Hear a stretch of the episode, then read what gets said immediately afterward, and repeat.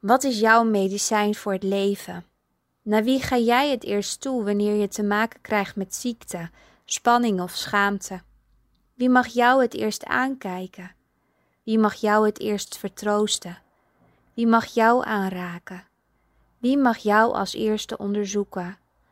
Wie mag in de donkerste hoeken van jouw ziel kijken?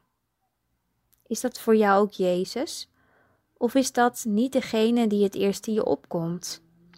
Voelt een dokter of therapeut misschien meer vertrouwd dan je schepper? Ik moet denken aan het verhaal over de genezing van de tien mensen die aan huidvraat leden. Alle tien gingen ze naar Jezus toe. Ze vroegen niet of Jezus hen wilde genezen, maar ze vroegen hem om zijn ontferming.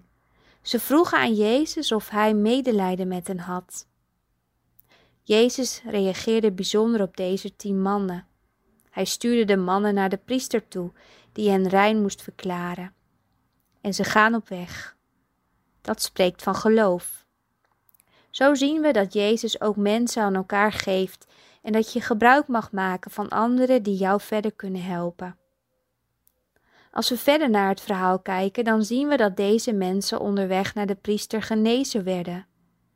Daar komt gelijk ook de ontknoping van het verhaal, want negen van de tien namen de genezing als vanzelfsprekend aan.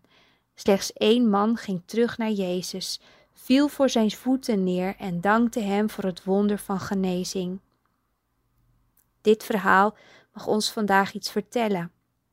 Wij mogen op zoek gaan naar mensen die gestudeerd hebben voor geneeskunde of psychologie. Wij mogen ons laten onderzoeken door een dokter en ons laten behandelen door een fysiotherapeut. Wij mogen gebruik maken van de dingen die ons verder kunnen helpen. Alleen is het de vraag of je je vertrouwen allereerst in deze mensen en hulpmiddelen stelt, of dat je Jezus erkent als jouw geneesheer. Je mag ontdekken of Hij zelf het wonder van genezing wil verrichten, of dat Hij je doorstuurt naar een mens. Daarbij is het goed dat je bij ieder wonder Gods goedheid en trouw blijft zien en benoemen. Ook al heeft de dokter goed werk verricht. Iedere genezing die zich voltrekt in jou mag je zien als een wonder dat God aan jou geeft. Denk alleen maar aan een flinke snee in je vinger. Ga eens na hoe die zich herstelt. Wat is het buitengewoon knap hoe God jouw lichaam heeft geschapen dat het zichzelf kan herstellen van een snee in je vinger. Laat staan wat je lichaam allemaal nog meer kan. Als het gaat om Gods zorg voor jou, dan mag je veel van Hem ontvangen. Maar alleen de mensen die dankbaar zijn, zullen ook daadwerkelijk innerlijk veranderen. Die zullen zich verwonderen over de grootheid van God.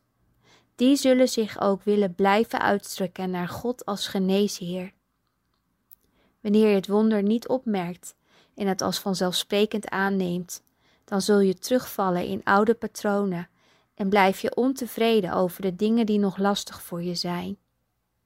Daarom, broers en zussen, merk op alle grote en kleine wonderen met een dankbaar hart en ga er niet zomaar aan voorbij.